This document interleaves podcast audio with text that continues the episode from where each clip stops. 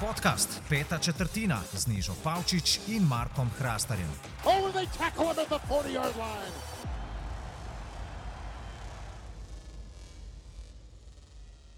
Poslušalke in poslušalci, nazaj smo z 27. epizodo, če se ne motim. Po Conference Championshipu smo spet v vaši družbi Neža Pavčič, Rog Gregorič in Marko Hrastar. Živijo fanta, Živijo. Živijo, živijo. itak, valjda ne prej. Klasično vprašanje, kako sta? Been better, been worse. Zakaj? Pa tako, no, malo sem razočaran nad Green Bayom. No. Jaz sem napovedal Green Bay, Buffalo, evo, spet kurčina.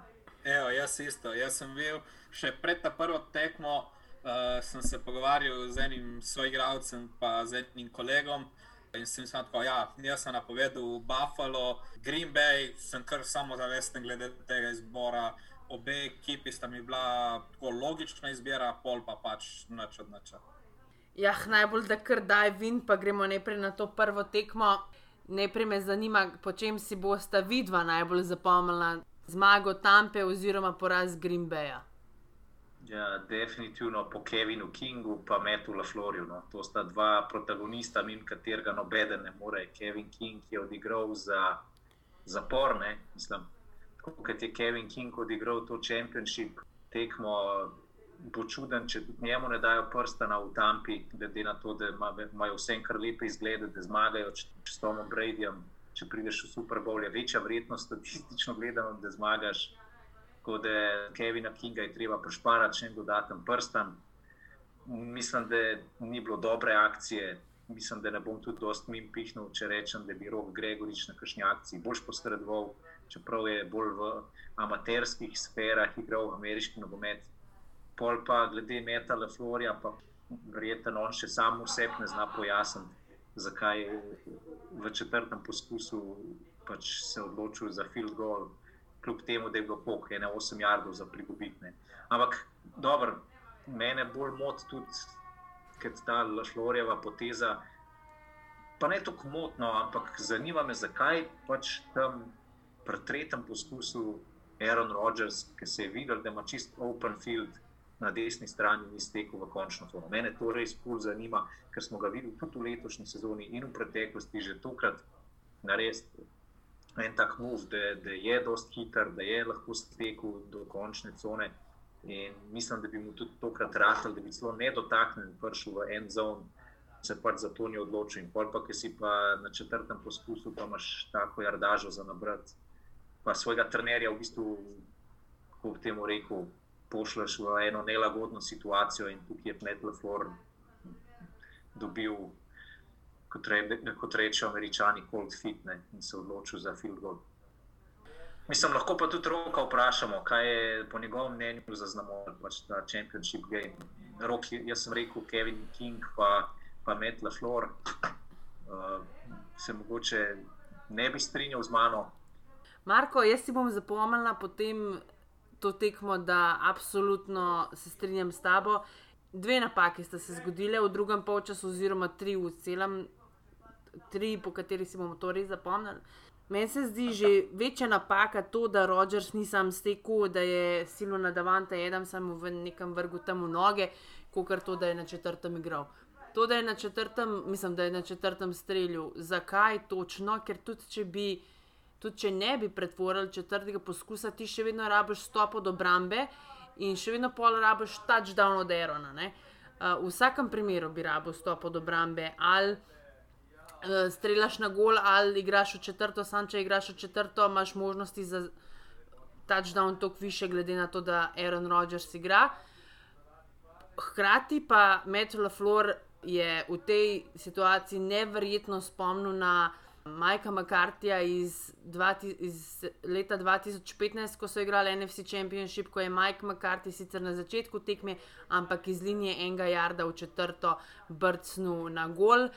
In potem Packersi takrat niso tudi prišli v Super Bowl, ker so šli tja Seahawksi. Tako da Aaron Rodgers se je znebil nekoga tazga, ki je po njegovem mnenju mu enkrat že blokiral, da gre na Super Bowl in zdaj mu je Matt LaFleur v bistvu dal enako. In točno tisti, uh, tiskovni na tisti tiskovni konferenci po koncu srečanja je Aaron Rodgers gladko potunkel La Flore, ki je rekel: Odločitev, da gremo v četrto streljati na gol, ni bila moja. Ja, Hvala, da ni bila tvoja. Od koga je bila? Kakšno avtoriteto, ki je starejša od tebe, 30 let, uh, nasadiš v Hadlu, govoriš drugačne stvari, ki ti jih predlaga Makarti, s tem ga nekako tudi odneseš po koncu sezone.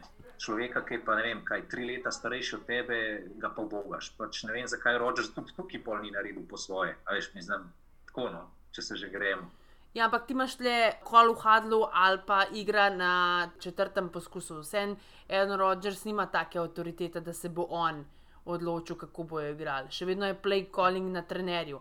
In meni gre drugače fulno živce, da govorimo o tem, kako je Aaron Rodgers sebičen in ne vem kaj. Nekdo mi je celo napisal, zakaj je Aaron tako uh, govno, da ni stekel sam, da je egoist. Mislim, to je tudi zdaj, ker ene obtožbe so preuranjene glede tega. Pač zgubili so tekmo, ker, so, ker sta bile dve odločitve zapored napačne. Aaron na, na tretjem downu, pa La Florida na četrtem downu ni konc sveta. No, bilo, je, bilo je ogromno takih in odločitev in eventov, da pač vse je šlo kontra. Pač šlo, vse, kar je lahko šlo kontra, je šlo kontra, tam je pa vse radval. Nočem biti neki bajes, ampak vem, tudi na koncu prvega polčasa, zgubljen na žoga, pač Pambal od Aerona Jonesa in pol touchdown na Scottija Millerja. Gre lahko še slabše. Ni bilo tako, mislim da. mislim, da je bil Aaron, Aaron Jones, je fambl na začetku tretjega polčasa in je bil ja, pol ta Johna Camerona prej. Četrtine, ja, res je, res je. Kako so pa tudi nekako izgubili žogo uh, na koncu druge četrtine, da je pol Scott Miller dal touchdown? Dobili so žogo in so igrali men to men nam je zdaj igrali zon, koliko je bilo 8 sekund do konca, se mi zdi, na 50 jardih ja, lahko pričakuješ, sam, da bo šla žoga 20 jardov na sideline ali pa Hail Mary. Tomu, ti se moraš zavedati, to sem že prej drugače hotel reči, da komu ti daješ žogo. Ti daš žogo Tomu Bradyju, ki je bil v taki situaciji, da tekmo mirno prpele do konca milijonkrat. In ti si mu dal šanso na koncu prvega polčasa, ki jo je izkoristil na Scottija Millerja, in na koncu, ki ni neumen. No? Goat, desetkrat gre tip na Super Bowl in ti daš žogo enemu takmu igralcu. Dajmo še malo roko do besede pustiti, ker zdaj smo ga deset minut čez dan na ignor. Ne, jaz sem tudi malo poslušal. Pa, uh, ja, meni recimo, je bila tudi ta odločitev, ta zaključek, ki je bil, po moje, ni pošteno, ne do La Florija, ne do Rogersa, da se vali krivdo na enega ali pa na drugega, ampak je tako, kot je po mojem, lih nek, neka 50-50 varianta, ki bi lahko pa zbrala drugo, ampak da je najlažje biti pa po bitki general. Kaj pa če bi ne vem, Rogersa, ne kdo je bil tam v prsilku, ali je bil Jason Pierre-Paul ali je bil ne vem, kdorkoli, da bi ga tam dohitev zaradiral, ne vem, karkoli poškodba Rogers. Ni najmlajši, ne vem, karkoli, La Flor, igraš v četrto, uh, zgubiš, ne vem, Rogers nekaj naredi, karkoli. Tako da ne vem, po mojem, zdaj je najlažje prstom kazati na enega ali pa na drugega, pa biti pameten, ampak lahko pa samo povemo svoje mnenje. In jaz, recimo, če sem Rogers, tečem in če sem La, La Flor, igram. Tako da z obema odločitvama se sam nisem strinjal, ampak je res, da so se Pekrsi kar sami, tudi s pomočjo malo nesreče, spravili situacijo, ki je pač bila na koncu. Uh, mislim, da sem tudi v naš skupen čet med tekmo uh, napisal, kao, da take stvari, kot je delal Kevin King, se zgodijo morda človeku, ki pride na prvi trening ameriškega nogometa. Da se ti v takem situacijskem nogometu, ko veš, da imaš 8 sekund do konca polčasa, da so oni, deja, vse, kar se lahko zgodi, oziroma vse, kar ti ne smeš pustiti, da se zgodi, je to, da je neka dolga akcija, ki gre podaja za tvoj hrbet in vse, kar se lahko zgodi, je pred tabo. Veš, da je 8 sekund do konca, da bo podaja namenoma proti outliniji, da se pusti še special team v čas, da brcnejo field goal. Uh, in da če najboljše, kar se ti zgodi, je, da je zaključena podaja in ti ustaviš na igrišču. In tisto, kar je Kevin King naredil, je po mojem tudi eden izmed najlepših primerov oziroma razlogov, zakaj mu Pekrsi letos, ki mu poteče pogodba, mu je ne bojo podaljšali. Ne samo zaradi tega, ker imajo malo težav s Capspaceom, pa verjetno tudi ne bodo ne e, um, Aerona Jonesa, ne pač posledično Kevina Kinga podpisali. Ampak to je tako, Kevin King je cornerback, ker recimo, če ga bi primerjal z igralcem na kakšni drugi poziciji, je verjetno tako Mitchell Trubisky. Pač, ko gre dobro, je full dobro. Vse imel tudi neki akciji, mislim, da ni imel celo prestrežene podaje. Možno. Mislim, da je imel. a- ali Ja, je pa imel, ja. Jair 2. Jair No, 2 pa kakorkoli. King eno, če se ne motim. No, potem pač takrat, ko, je, ko mu gre dobro, je dober, ampak ko gre slabo, je pa katastrofalen. Tako da taka res tak Mitchell Trubisky cornerback je, je Kevin King. Ja, pol je bil pa še kdaj. Dve minuti, ne, manj kot dve minuti pred koncem je bil tudi na tistem pleju, ko je naredil prekršek na Tylerjem Johnsonom, ne, da je bil, ki je pol med Packers fani ta prekršek izval ne vem koliko polemik, da to ni bil favel. Veste, kaj mislim, ne, kjer play. Ja, malo malo ampak- pozen kol, ja. Ampak tako ja. mejen je bil. No. Proti Bradyju, če imaš 50-50 šanse, ponavadi moraš računati, da se mogoče ne bo v tvojo korist lih iztekel. Ne. In točno to se je zgodilo. Zdaj, če bi jaz rekel, meni se zdi, da to sicer ni bil faul, ampak pač ni pa tisti, da bi pa zdaj si pulil lase in rekel, wow, kaško, koliko so bili oškodovani. Eni sodniki to sodijo, eni sodniki tega ne sodijo. Mislim, tukaj je šlo kontra Green Bayu. Mislim, dobro, vse so se pol pojavile slike, dejansko, kakšne bile, kaj je Tylerju Johnsonu, tisto belo pod majico, dobesedno pač strgujo je z njega, ki ga je primil ne za bok, ki ga pač ni mogel ujeti, ampak je ga je podprimil za pod majico in konc koncev to je neko nepravilno zaustavljanje. Tako da mogoče je soft call, ja, mogoče je bilo malo pozno vse skupaj vrženo, ampak konc koncev dejstvo je, da ga je nepravilno zaustavil. Pač ti ne smeš recimo smešno pa je, da če bi imel, ne vem, Tyler Johnson drede in bi ga potegnil za lase, pač to pa ne bi bil penalti, ne? ker to ni v NFL pravilih kot nepravilno zaustavljanje. Um, tako da ne, so, so bile dvomljive situacije, sodnik, eh, sodniške uh, strani, odločitve na eni in na drugi strani. Ja, govorilo se bo o tej ta zadnji, ampak spet so se Packersi dovesedno sami spravili v to situacijo, v kat- katero so mogli loviti Bradyja in Brady, kljub svoji starosti, je dovolj pameten eh, in kombinaciji vsemi- vsem talentom, ki ga ima v ekipi na obeh straneh, da obramba zdrži tako potenten napad, kot je bil od Green Baya celo sezono. Tako da, po mojem, ena ta sodniška odločitev ni spremenila končnega rezultata. No. Jaz bi rekel, tako bottom line, zdaj lahko nabijamo v nedogled v vseh akcijah, seciramo tekmo, ampak bottom line je Green Bay se čisto sam kriv. Imeli so šanso, igrali so doma, bili so v relativno popolni postavi, pač če odštejemo Baktjarja, ki se je mim grede rok čestitke zelo poznala njegovo odsotnost. Ne. Lih zdaj, lih na tej tekmi, vseh tekem za njih, imeli so ugodno vreme, ali ne vem, kaj še vse naštejem. No. Green Bay je bilo vse servirano na pladnju, sam še vzeti bi morali in so podarili ta pladnji in hrana šla dol. Mislim, fuck off, ne, zdaj pa spet kaj, a bo Rogers uh, ostal ali ne bo, zdaj lahko v bistvu odpremo bolj polemiko, a Rogers ostaja ali gre nek drugam. Jaz sem v eni oddaji, mislim, da je SPN-ovi zasledil, da je destinacija, ki se kar precej omenja, LA Rams. To je pa, če pravimo mi overreaction, manj, da je pa to pretiravanje, o moj bog. To je zdaj, mislim, pač Aaron je rekel, verjetno, ker res veliko igralcev poteče pogodba. Mislim, tip je zgubil pol ure prej tekmo, s katero bi lahko šel na Super Bowl in bi končno prišel dokončno v uh, pogovor, da je on top 5 quarterbackov vsak čas.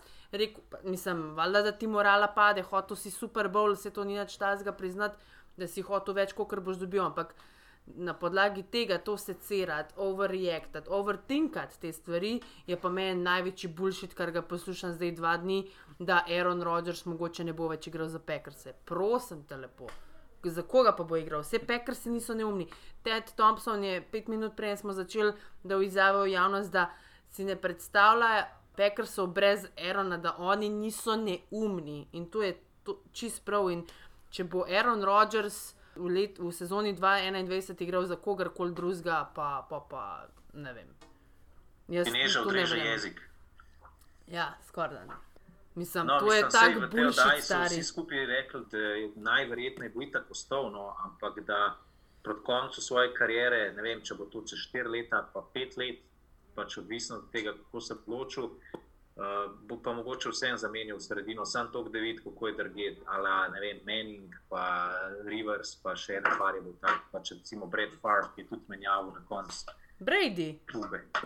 Ne, ampak sej, sej Rogers tudi sam rekel, da, da v bistvu ta izjava ni bila nič, kar že on sam ni rekel v preteklosti. Ne. Dejstvo je, da njegova prihodnost ni zgolj v njegovi kontroli, dejstvo je, da ima tri leta pogodbe še v Green Bayu, dejstvo je pa tudi, da, imajo Green Bay, da Green Bay ni res, nima največ denarja na pretek in da je NFL vendarle pač biznis in da če bo prišel kakšen res s kakšno lepo ponudbo, zdaj če bojo oni prepričani o Jordanu Lovu, ok, ampak je tudi Aaron Rodgers zdaj sam rekel, sem videl pred kratkim na Instagramu, kao, da ni nobenega razloga, da on ne bi bil nazaj v Green Bayu, ampak pač da se zaveda, da, da ni njegova, da njegova prihodnost ni zgolj v njegovi kontroli. Kar pač dejansko je res. No, ampak overreaction to, da bi on kar zdaj v pokoju, pa ne igral za Green Bay, je pa po mojem mnenju čist iz ne vem, ki izvid, kaj se reče, iz trte. Neki zmi, mislim, to je res bullshit, vseh bullshitov. Tako da meni se to zdi absolutno preterano in mislim, da se to kaj tazga ne bo zgodilo. Dajmo se malo obrniti, Tom Brady apologet v to, kaj pomeni, da je en igralec z dvema različnima ekipama prišel v 10 Super Bowlov. Ja, dajmo, dajmo še malo tam govoriti, ker smo samo v Green Bayu, namesto da bi govorili o zmagovalcih, smo o loserjih govorili zdaj 15-20 minut. ne. Al Alvera, Tampi, Al Alvera, Tomu Bradyju. Mene že zelo zanima, kakšno taktiko bo postavil v internem dvoboju proti Andyju Ridu, šalim se. Super obramba, no, ne full obramba, tam te preseneča. Napada smo vsi pričakovali, da bodo naredili določene akcije, da bodo dosegli neki 20-30 pik, ampak obramba je pa res, tako no, bom rekel, me je zelo pozitivno presenetila. JPP in Dama Konsu, pa tudi korneri so čisto redu izgledali. Igrali so še brez Antoana Winfielda, tako da tudi tukaj je ena velika kljubca sekundarju. Towns so ter postavili kar v močno vlogo favorit v Super Bowlu Kansas City, pa mislim, da bo spet kot v zadnjih, mislim, da v zadnjih petih ali pa šestih letih Ne, nisem tega gledal, moram se popraviti. V vseh Super Bowlih, v katerih je bil Tom Brady protagonist, se pravi v vseh devetih, je bil One Possession Game z izjemo enega, unga, na katerem smo bila medva niža. LA Rams uh -huh. proti New England Patriots, ki je bilo 13-3.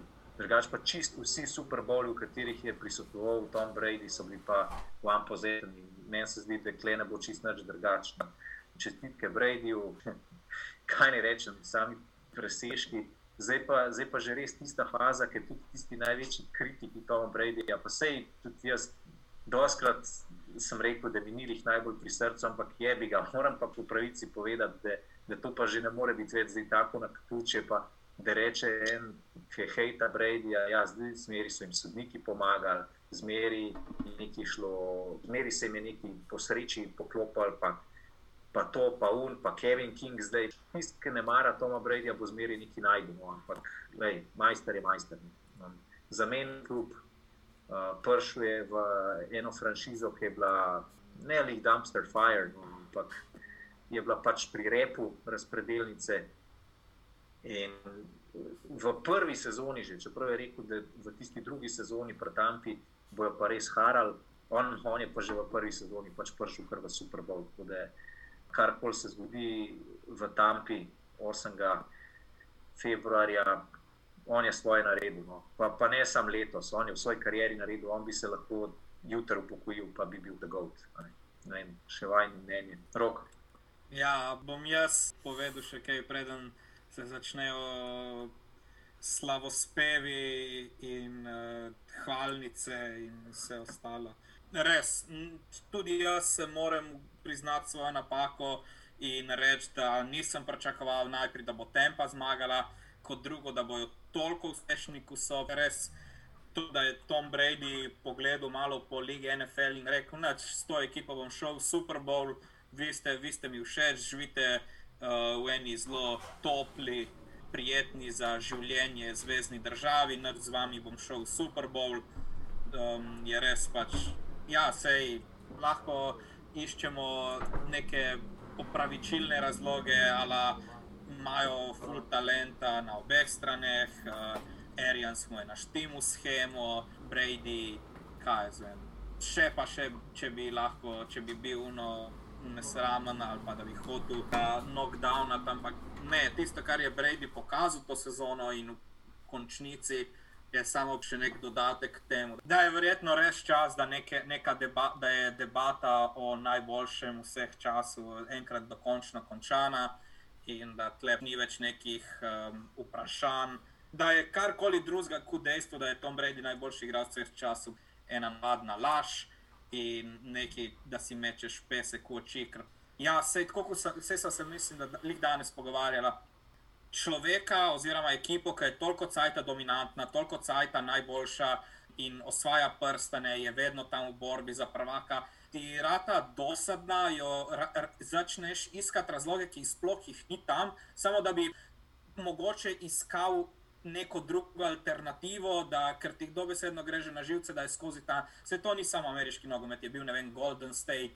V, v NBA, tudi zdaj, sicer se ne spomnim, kdo je bil, recimo, kakšen tak v bejzbolu, ne vem, Dodgers, Yankees, je povsod, da se te dinastije sovraži, ampak ni zaradi tega, ker se jih toliko občuduje, pa si želiš, da je bila tvoja ekipa tako, ampak si pač noben ne upa tega na glas priznati.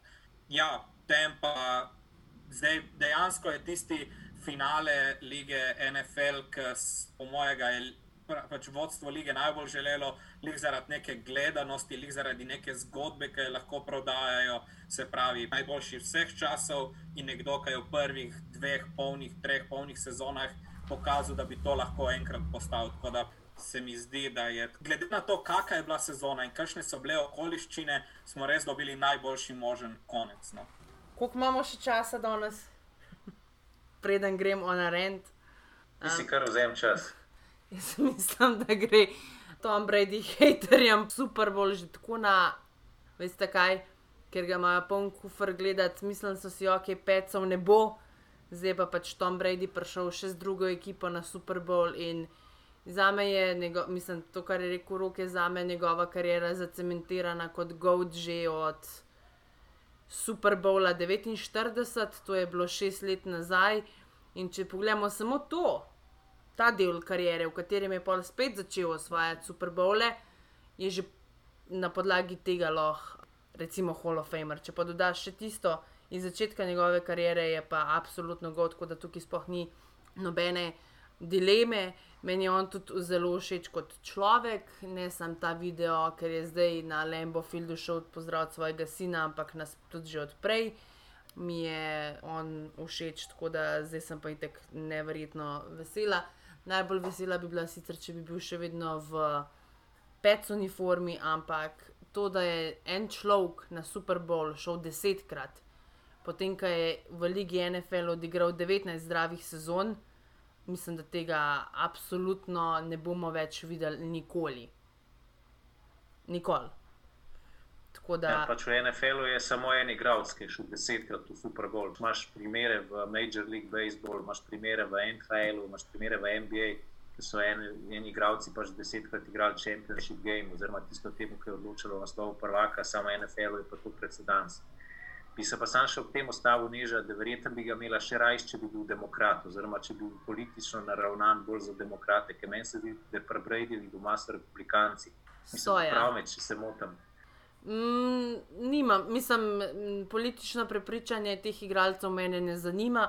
Vsak se je odločil za to, ker se pač je. Tudi Tom Brady verjetno verjame v republikanske vrednote, zaradi na podlagi nekih svojih prepričanj in politika mene pri športu sploh ne zanima. Šport je v zadnje pol leta se je politika v šport, ali pa recimo od Kolina Kapernika se je politika v šport zelo prevečkrat upletla, tako da se jaz od tega zelo distanciram. Pač odločil se je tako, ker se je tako, ker ne vem, se je odločil.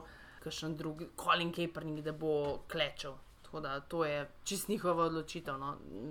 Ne vpliva to, da je Tom Brady republikanc na to, da ga imam jaz še vedno tako rada in da sem v našem skupnem četu mi je rok poslal tisti nek gif, kako tri punce plešajo v zadnji na nekem pick-up traku in ena pač tako neverjetno joka si dol soze briše. In rok, verjetno sem je res, jaz tako le zgledala v nedeljo, ker sem si soze brisala, ker Tom ni spet na Superbowlu. Še to, da večina pet fanov bo navijala v tem Superbowlu za Kansas. Zaradi tega, ker mislijo, da če Tom Brady zmaga sam, brez Bila Belčika, da bo to downgradal pomen Bila Belčika, če veste, kaj mislim. Da v bistvu se Ja, bo. no, sam jaz bi tukaj omenil, da je ful pomemben fakt tudi to, da ima veliko boljši napad, znaš, Tom Brady v Tampi. Ker če bi imel on, recimo v New Englandu, take igralce, ki so Mike Evans, Chris Godwin, pa Antonio Brown, pa dobro, recimo, da je Backfield podobna kvaliteta, kot v večini sezon, ki so prišli v Super Bowl, ampak če bi imel pa take receiverje, pa ne vem, če bi sploh kdo lahko konkuriral v New Englandu. Jaz mislim, da tukaj se neža boš kar strinjala z mano. A da ima tam pa boljšo ekipo letos kot New England. Ja, valjda. Ja, Mislim, tako pač meni Bruce Arians ne seže do kolen, bil v Belčiku po študioznosti, po taktičnih zadevah. Meni men že to, da Arians pač dopušča Tomu Bradyju, da mu on kliče akcije, da on postavlja schemo, je tako tako. No. Kakšen trener dovoli to? Ja, se je ok, Tom Brady ima ful izkušen, pa je najboljši igralec v ligi, ampak vsem tukaj se spet postavlja vprašanje same avtoritete trenerja. Zakaj, si pol sploh, tre- zakaj, zakaj pa sploh imaš trenerja, če ga skoraj ne rabiš? Mislim, dobro, skoraj ne rabiš. Ta teden, je- pa tudi med sezono, so prišle informacije v javnost, da Bruce Arians daje ful veliko svobode Tomu ne. Če misliš to za to izjavo, ki je rekel, da I sit back and watch, ne, je Bruce Arians mal prevaretle, ne? ker en mesec nazaj ali dva meseca nazaj je krivil odkrito Toma, da so zgubali. Zdaj pa ti, ko vam pa gre, pa v bistvu rečeš, v bistvu ne, se Tom je full redo, on je na pol coach. Mislim, kaj?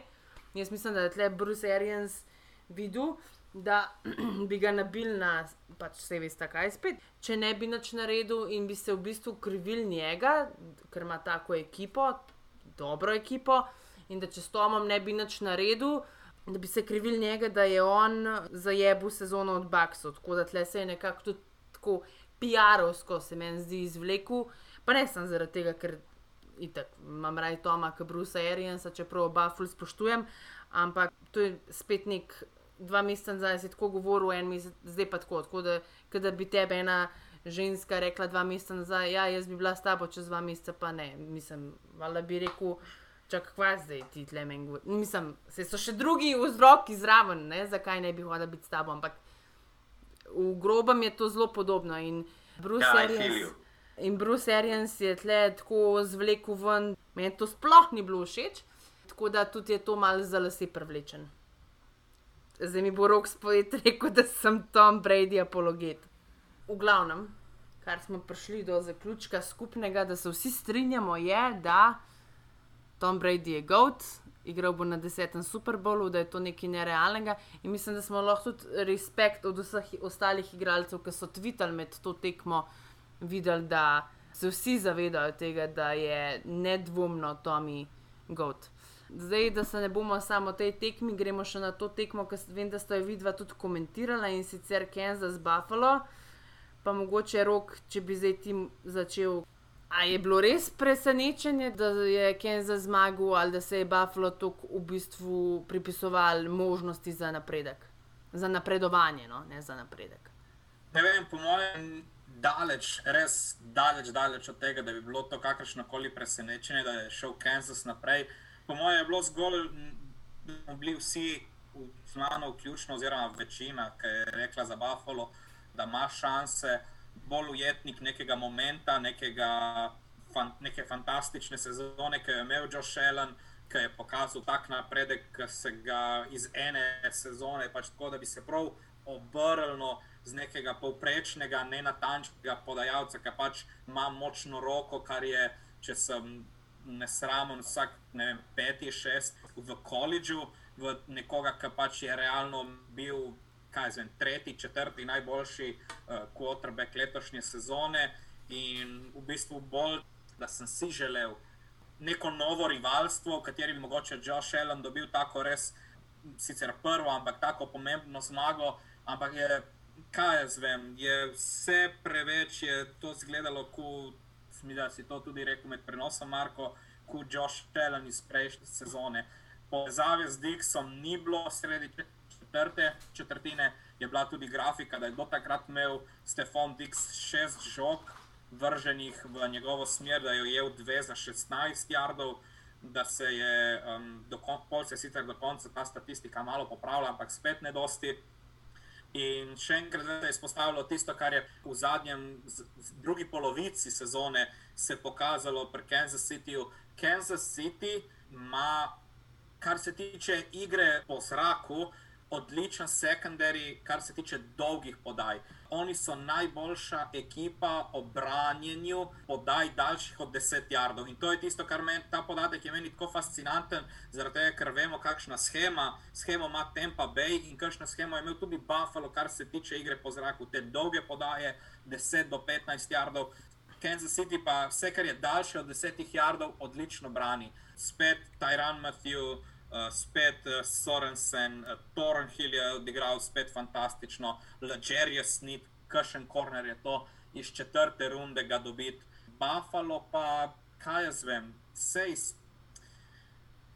Proti Kansas Cityju ne moreš, ne moreš računati, da bo tvoja obramba dobivala tekme z preprostega razloga, ker ne vem, če obstaja obramba, ki lahko omeji do te mere Patricka Mahomesa, da ne bi dosegel 25-30 pik. Ja, vse so se zgodile tekme, ki je bilo manj kot to, ampak vse, kar upaš lahko proti Kansas Cityju, je, da tvoj napad drži korak z njihovim napadom in to napad Buffalo, Buffalo na tej tekmi ni mogel. Pa ne samo to, da napad njihov ni mogel. Ti si omenil predvsem obrambo Kansas City, jaz bi pa omenil, kako fasciniran sem nad napadom Kansas City, pa sej to smo že v zadnjih dveh sezonah skozi gledali, ampak predvsem čestitke Bienami v Paridu, kako sta se dobro prilagodila, zaradi tega, ker je bilo vseeno očitno, da Patrick Mahomes je mal, ko se temu reče, hobbled, no, načet, da ni čisto 100% fit, pa niti ne toliko ta konkašen, ampak ene par, če si opazil, rok je med tekmo zašepal, še posebej pri kakšnem sprintu, in sta ga bjenemi pa rit pripravila na tekmo tako, oziroma sta svojo schemo pripravila tako. Da je Kansas City igral na mačkam bolj krajše podaje, niso šli tako na dolge bombe, na Terika Hila, pa Makola Hardmana, medtem ko je Buffalo branil, predvsem Open Field. Potem, ki je šla kratka podaja na Kelsija, on naredi tisto, kar najbolj zna, enega branilca, da v zobe, drugega si zapaz zatakne, tretjega na kurac natakne in jih skupaj nese proti končni coni. Pa pa Terik Hill, pa tudi, ki je v kratko žogo pospeši na 35-36 km/h in zbeži petim, šestim igralcem in imajo srečo, če ga lahko pred en zonom ustavijo. In te kratke podaje so čist presekale, Buffalo presenetile, in dokler so se oni prilagodili, je bilo že kaj, plus 20. Kansas City, težko rečemo, ja, da je to presenečenje. Mogoče smo si vsi malo tudi želeli, da bi Buffalo prišel, ker je neka feel good zgodba, ampak Kansas City je noro dober, spet.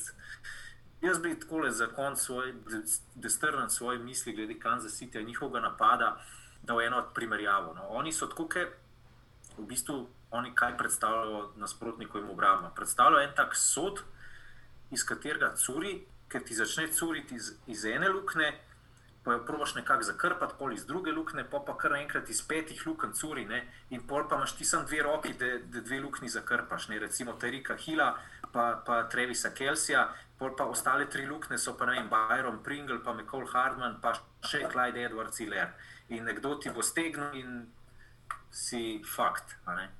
Tako da, ja, Kansas City je, je favorit v Super Bowlu, zasluženo, no? ampak bo pa vsem close. In meni ni samo fascinantna neka kvaliteta, kar mislim, res ne sporna kvaliteta, ampak tudi koliko so te igralci psihološko pripravljeni. Nikol Hardman v prvi četrtini, na polovici prve četrtine, spustil ni pant, Buffalo gre 9-0 gor in Nikol v, do konca prvega polčasa 50 jardov na jet sweepu in potem še touchdown. Mislim, razumete, To ni samo Michael Hardman, ne? to ni samo fora, da je Vem, on psihološko fantastično pripravljen. Moraš videti, kaj, recimo, kaj se zgodi. Recimo v eni ekipi, ne vem, bom dal za primer. Minnesota Vikings s Stefanom Diggsom. Recimo Stefan Diggs bi neki zajebil ali pa kdorkoli drug, uh, in potem se usede na klopco, fukne tisto čelado gor na stojalo, in noben ne pride do njega, da bi ga malo budril, da bi ga povohal, sploh tukaj pa takoj pri Mekolu Hardmanu in Bienami, in pridem Holmes, chin up, da je naslednja akcija, naslednja akcija, gremo, gremo, gremo. Travis Kelsey pride, da je izresno se, naslednja akcija, sam pozap na to. Veš, to je neverjetno, kako so oni povezani, kako verjamejo drug v drugega. Ja, ampak fora je zaradi tega, ker dejansko bi rekel, da pri večini ekip, oziroma pri večini ekip, ki, pride do uh, take situacije, je bolj tako veš prazne besede. Ja, imamo naslednjo akcijo, karkoli, ampak pri Kansas Cityju pa vidiš, da je to dejansko, ker se ve, da lahko, uh, pa tudi jaz kot gledalec imam občutek, da je lahko vsaka akcija, ki se pri Kansas Cityju zgodi po zraku, da vsaka akcija je lahko touchdown. Sprav vsaka akcija, vsaka zaključena podaja je lahko touchdown pri Kansas Cityju. In ne vem, če ima katera koli ekipa, ki, se, ki mi pride na pamet v zadnjih vem, petih, desetih letih, če je imela kakšna ekipa tak napad. Da je dejansko vsaka podaja, ki se zgodi, da je lahko touchdown. V desetih letih, ne. Mogoče Denver, takrat 2013. tisto naredi res napako, zgubi pant. In potem točno veš, ko vidiš uni posnetek, ki pride ga Mahomes, kao, ja, imaš naslednjo akcijo. In po tistem, ki spusti dobesedno prvi kontakt z žogo, spusti pant, da mu greš ti v red zonu, vrš screen, ker screen moraš reči, da vrš natančno. Če veš, ki smo videli, kaj se je zgodilo um, Seattle, LA, ki je hotel vršiti Russell Wilson screen in ga je Darius Williams prestregel in je bil pick six. To moraš reči najprej zaupati lovilcu in me kot podajalec natančno podajo. In gre in je touchdown. In to je tisto neko zaupanje, ki se vidi, da je to Kansas City res neka posebna ekipa. Da ni samo ena izmed tistih, ki boš rekel, ja, to je ekipa, ki je letos zelo dobra, bomo videli, kakšni bojo naslednje leto. Dokler imaš ti Ja. ja. take posameznike, ki so, pred, ampak ne posameznike zgolj kvalitetne, ampak ki so lideri, ki so res. N- K, ko veš, da imaš tega človeka na zelenici, imaš vedno možnosti za zmage. Pa pa še to, ne, še ta kombo z obrambo. Chris Jones odigral spet tekmo, ki je pokazal, da si zaslužil vsak cent, vsak peni teh 80 milijonov v naslednjih štirih sezonah.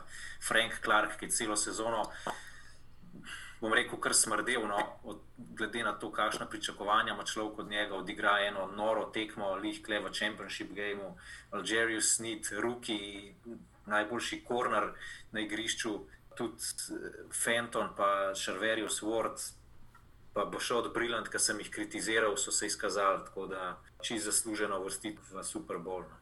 Kompletni so, no. spet so kompletni, pa še strokovni štab je nor, tako da to je to. Jaz sem samo še to hodila reči, da Buffalo, ki je povedal z 9-0, je mogoče že mislil, da dobro smo začeli, ampak vsi vemo, da je čim enkrat Chiefs zaostaja za 10 pik, oziroma v tem primeru 9, je to po mojem najnevarnejše vodstvo v Ligi NFL. Na zadnjih petih tekmah v končnici so zaostajali z desetimi točkami razlike, pa so štirikrat to nadoknadili. Mislim, da je bilo samo takrat 2018 en AFC Championship game, da so izgubili, ker so zaostajali 14-0 po prvem polčasu. Takrat je bil Se pa seveda. lahko se pa Tom lahko Brady. kar uh, navadimo na to, da bo folk začel zdaj na polno hejtati Kansas City, še posebej, če osvoji Super Bowl. To bo tak hejt po dveh sezonah, ki so dominantni, oziroma po dveh sezonah, če bojo zmagali. To bo naslednjo sezono, si bojo kar vsi že želeli, in navijači, in analitiki, da jih nekdo sesuje, brez kakršne koli osnove, samo zaradi tega, ker so dobri. Pri Patriotih dinastiji smo imeli razno razne packe, v smislu tak rula, snemanja, deflate gate, ne vem kaj še vse. Klepa, klepa nobene svinjarije, take omembe vredne. Največja stvar, zaradi katere človek ne bi imel za Cityja, sta brat od Petrika Mahomesa, pa njegova zaročenka. no. O, oh, fuk, to je pa katastrofa. Aha, mislim, jaz, jaz nočem biti nesrečen, no, ampak tako, a se vama tudi zdi, pa to je čisto resno vprašanje, to se ne zajemam, poudarjam, to ni zajbancija. A se vama tudi zdi, da je brat od Petrika Mahomesa tako mačkan s posebnimi potrebami? Drugačen je. Politično korekten odgovor. Una je pa, sorry, ampak ne bom zdaj rekla to po angliški, ampak tipična belkica. Malo hormoni dajo, zaradi tega, ker je noseča, pa mm. je že tako aprila pričakujete, tako da zdaj pa še dodatno, verjeten. Je bila že prej taka. Doza belkica. hormonov. Prej je bila že taka, tudi prej je bila noseča, če se spomnite. Enkrat je obtožila pet sfene, da so jo maltretirali, potem ko jih je ona izzivala. Mislim, ti misliš, da boš prišla na House that Tom Brady build, pa boš govorila pet sfenom v glavo, da so bedni pa patetični. Valjda ti jo vrgli neki nazaj v glavo. Mislim, se ne pravim, da je to prav, ampak če izzivaš, boš dobila nazaj. Kakšna logična. Če izzivaš, pač moraš pričakovati, da dobiš nekaj v glavo. Ni to neka logična poteza od A do B. Quarterback market bo v tem off-seasonu kar eh, zanimiv, se mi zdi, no? glede na to, da Filip Rivers je končal kariero, Drew Brees ne vemo, kaj bo, je pa jasno, da Matt Stafford tudi ne bo več v Detroitu. Zdaj, če se gremo najprej na Filipa, kako ga vidva vidita, a je Filip Rivers Hall of Famer ali ne. Ja, jaz bi rekel, da je lih na meji. No. Tako, ja, ogromen vrženih jardov, ogromen touchdownov, ogromen sezon, neki playoffov, nobenih, niti enega Super Bowla, kaj šele zmage. Tako, no, bom rekel, da če je debata o tem, ali si Peyton Manning zasluži biti Hall of Famer, trajala 13 sekund, bo debata o tem, ali bo Filip Rivers Hall of Famer trajala mogoče celo 13 ur. No. Ne vem, rok.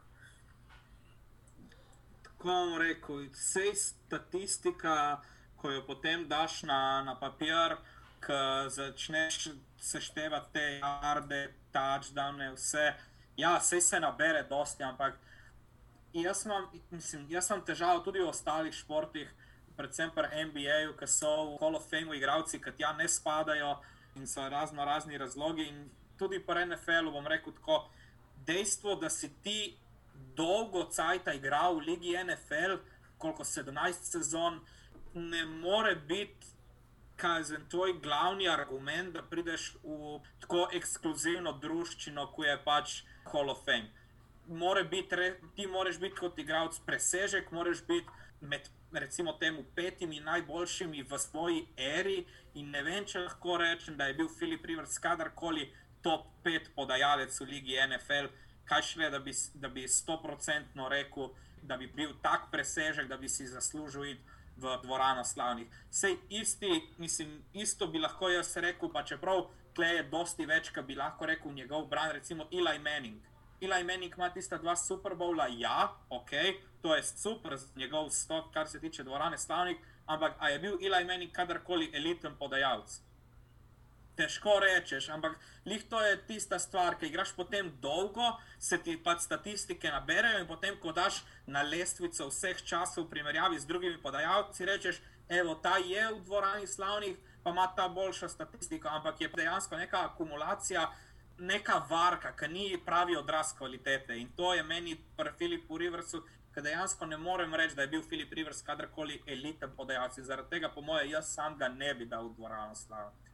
Za meni je še Frank Gore bolj Hall of Famer, kot pa Filip Rivers. No. Več, Frank Gore ima unih 500 jardov vsako sezono, že ne vem, 20 let skoraj, skupaj po jardih, po rushing jardih je tudi tam, ne vem, kaj že na petem mestu ali šestem mestu. Veš, Filip Rivers pa ja, je igral dolg cajt, sam tudi jaz, recimo tako kot Ilaja Meninga, ne bi dal lih med elit, kot pa Filipa Riversa, pa še manj. No. Kaj pa ti neža?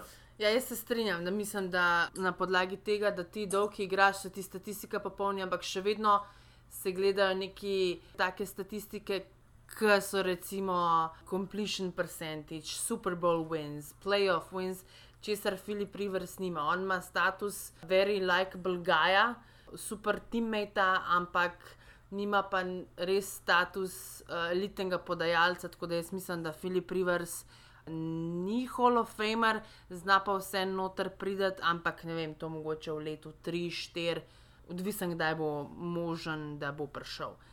Smo pa rekli, da bo QB market še zar zaradi tega še toliko bolj zanimiv. In glej, glej, Indianapolis je eden izmed glavnih kandidatov za to, da v free agencyju dobijo novega QB-ja in sicer se je na listi v zadnjih dneh znašel Matt Stafford, katerega naj bi se v Detroitu želeli znebiti. Thoughts?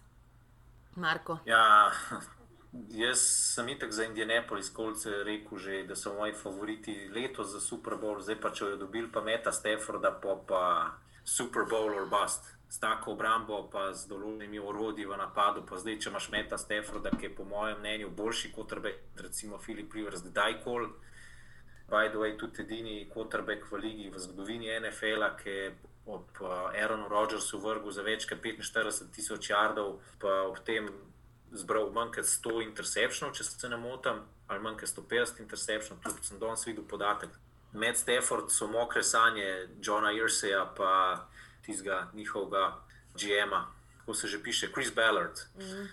Jaz bi marsikaj dal za, za Meta Stafforda, ne? z rokom se tukaj sicer nismo mogli strinjati, ne? meni je Met Stafford definitivno vreden, first rounderja, se pravi izbora v prvi rundi, še posebej zaradi tega, ker bo Indianapolis zbiral tam okoli 20-25 mesta in jaz bi to vsekakor dal, pa še kaj bi dal za Meta Stafforda, ker tukaj je treba vedeti, da je lih kotrbek tista pozicija, ki je manjkala.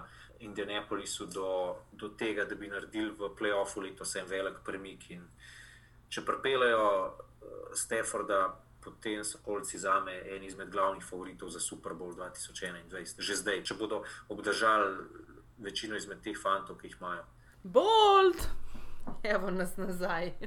ne, Meti Stafford je recimo kandidat pol, torej za, smo rekli, Indiji, pa mislim, da sem videla veliki San Francisco. Še, San Francisco, pa Denver. Denver je bi tudi pasal, no? Tako. A se ne strinjate?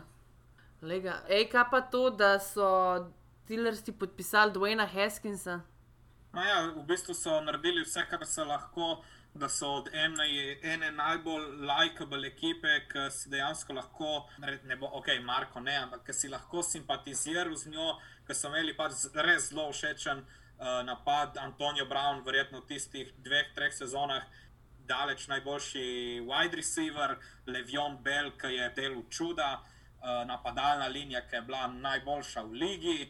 In potem zdaj so na hitro naredili tranzicijo k najbolj antipatični ekipi lige in z obema TikTokerjema, in zdaj z Dwaynom Haskinsom, ki bo ob koncih tekme, namesto da bi bil na igrišču, pa klečal, bo delo duete. Tako da Sej sem lahko nesramen, ko nekdo, ki je bil na koncu res fed up with, uh, s Haskinsom in z njegovim obnašanjem. Ampak po moje je to dejansko najboljše, kar se je lahko za njega zgodilo, da je prišel v eno franšizo, kjer pač ne bodo tolerirali njegovega sranja, kar se obnašanja tiče. Nekih razno raznih um, izpadov, pa izletov v strip klube, medtem ko tvoja ekipa je statistično ekipa z najmanj okužbami v bila v sezoni in ti greš to dajati pod vprašanje, pod riziko, ker veš, skozi kaj je šel tvoj trener in ti si še vedno tako govno, da si s triptizetami po porazu zunaj, ki je dosti to pove o tebi, pa o tvojem mindsetu, pa potem, ko zgubiš, da razlagaš svojim soigravcem. No, vse sem imel v redu statistiko, tisti, ki me ima v fantasyju, je po mojem zadovoljen z mojo predstavo. Zdaj je tega konec, Pittsburgh je vseeno franšiza, ki je coach first, ne player first in to se je pač tudi z odhodi v, zadnje, v zadnjih letih, um, ker so hoteli igravci izstopati, pa imeti malo preveč avtoritete, se, je, se jim je reklo čau. Tega ne bo. Verjetno je za Dwayna Haskinsa in za njegovo kariero, če si jo želiš rešiti, Pittsburgh najboljša opcija. Je pa res, da imam še en razlog več, da mi Pittsburgh ni všeč. To, da so podpisali Haskinsa, v bistvu kar en mehen, da se bo Big Ben upokojil no. enkrat v tem off-seasonu, ki je pred nami. In bo prišlo v Pittsburghu do situacije, ko Mason Rudolph, third stringer, Wayne Haskins bo pa tekmoval uh, s novo draftanim igralcem, ker jaz mislim, da bodo šli celo v prvi rundi na potrebeka s tistim, ne vem, Kajlom Treskom ali pa Wilsonom. No, bomo videli. Zanimivo. Ne, Wilson, um, tisto, da je lebeme. No. Mac Jones. Ja, ja, ja. Glih danes sem brala Mel Kiper, ESPN plus Smok in je dal Maca Jonesa na 15 pecom. Ja, glede na povezavo Belčik Sejban, se jaz niti ne bi čudil. Bomo še videli, najprej bomo pa gledali Super Bowl, tudi tokrat, seveda, iz prizorišča. Se bomo, mislim, se bom jaz javila, fanta bo ta na Zoomu, tako da enkrat naslednji teden, verjete, ne? Ja, čez dober teden. Neža, videl sem, da, boš, da boste novinari letos lahko samo dva, tri dni pred začetkom lahko uživali v Super Bowl weeku. Drži? Mislim, da se bo tudi opening night odvil normalno, tako da ne bomo pa neki full, mislim, ne bomo pa imeli stika z njimi, z fanti, to pa ja. Ker bo vse prek Zuma. Še besedica ali dve o Dešonu Watsonu, bo zapustil Houston. Ne, zdaj mogoče imamo še več zbranih podatkov, kaj je vajno mnenje. Jaz mislim, da bo še vedno šel, ne glede na to, da se pogovarjajo z Erikom Bienemijem in z Lesliejem Fraserjem. Mislim, da Dišon Watson je, mu je pač dopizdilo v Houstonu in hoče iti, ne glede na to, kaj bo, ker še vedno misli, da je McNair problem. In tudi če bojo najeli ne vem koga trenerja, ki bo njemu všeč, bo še vedno direktiva od zgor prihajala. Tako da to je to. Se mi zdi, da bi bil riziko, mislim, toliko, kot je Dešon Watson vreden in verjetno je, kar se tiče prihodnosti, takoj za Mahomesom, če gradiš za prihodnost, bila cena, ki bi jo ti kot franšiza mogel plačati za, za Dešona Watsona, res hud zalogaj. Konec koncev je tudi to, da potem ti komitaš k njegovi plači, ki sicer ni tako huda, ampak verjetno se cena za Dešona Watsona začne pri treh first rounderjih, pa enemu res, res dobremu igralcu. Ne vem, kera ekipa bi dala toliko. No. Čak, ti bi za Dešona Watsona menil tri first rounderje za Stafforda, pa ne bi dal niti enega. kaj? Ja, lagano, takoj, Dešon, Dešon, Dešon Watson je za Mahomesom drugi najboljši mlad podajalec lige. In je, kar je zdaj pokazal, je dejansko tudi brez številke ena, kar se receiverjev tiče, lahko ima vrhunsko sezono po vseh statističnih indeksih.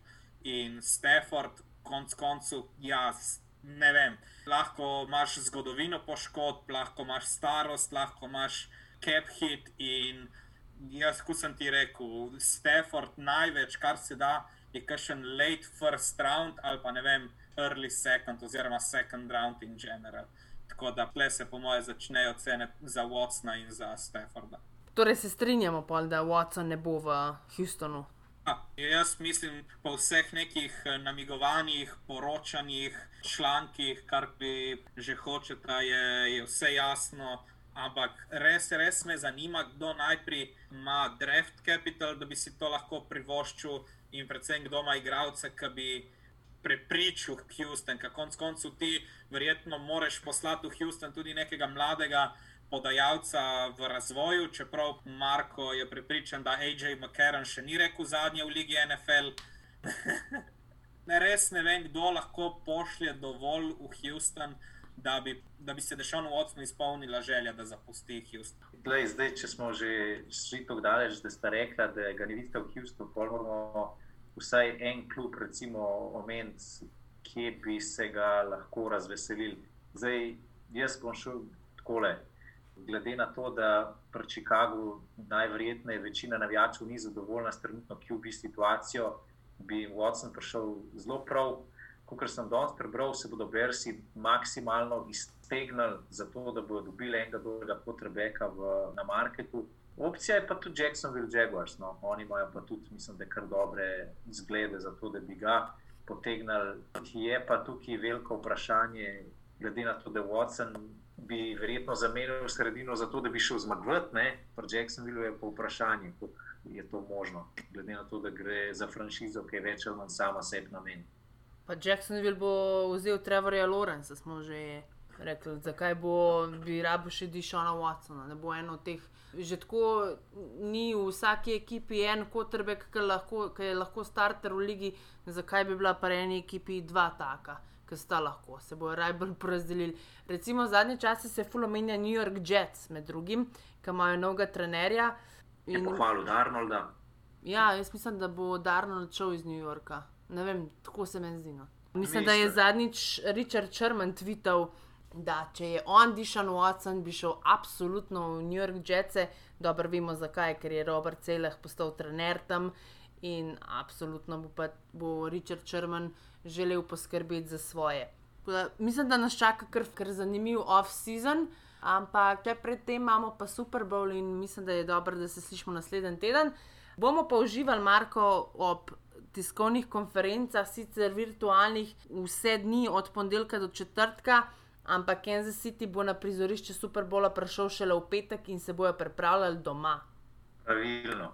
Ampak jaz se že veselim Super Bowla v L.A., ker upam, da bo spet vse po starem in da bomo takrat lahko spet normalno šli na tiskovko, ne pa da bo vse prek tega zuma. Vse, mo mogoče bomo takrat vsi trije na prizorišču. Ja, ne bi bilo šlo, ha? Ja, jaz podpišem tako res na SoFi, bi pa ne samo, ne samo v Los Angeles, ampak na SoFi stadion bi pa rešil. Tista stvar zgleda pa res taka mašinska. Pa da zadoni. Da. Neč kaj, fanta, se slišmo naslednji teden. A ja. Za lete Super Bowl news pa nas pratite vse tri, ne? Afna RG3, salo. Neč se slišmo naslednji teden. Najde. Čau. Čau, čau.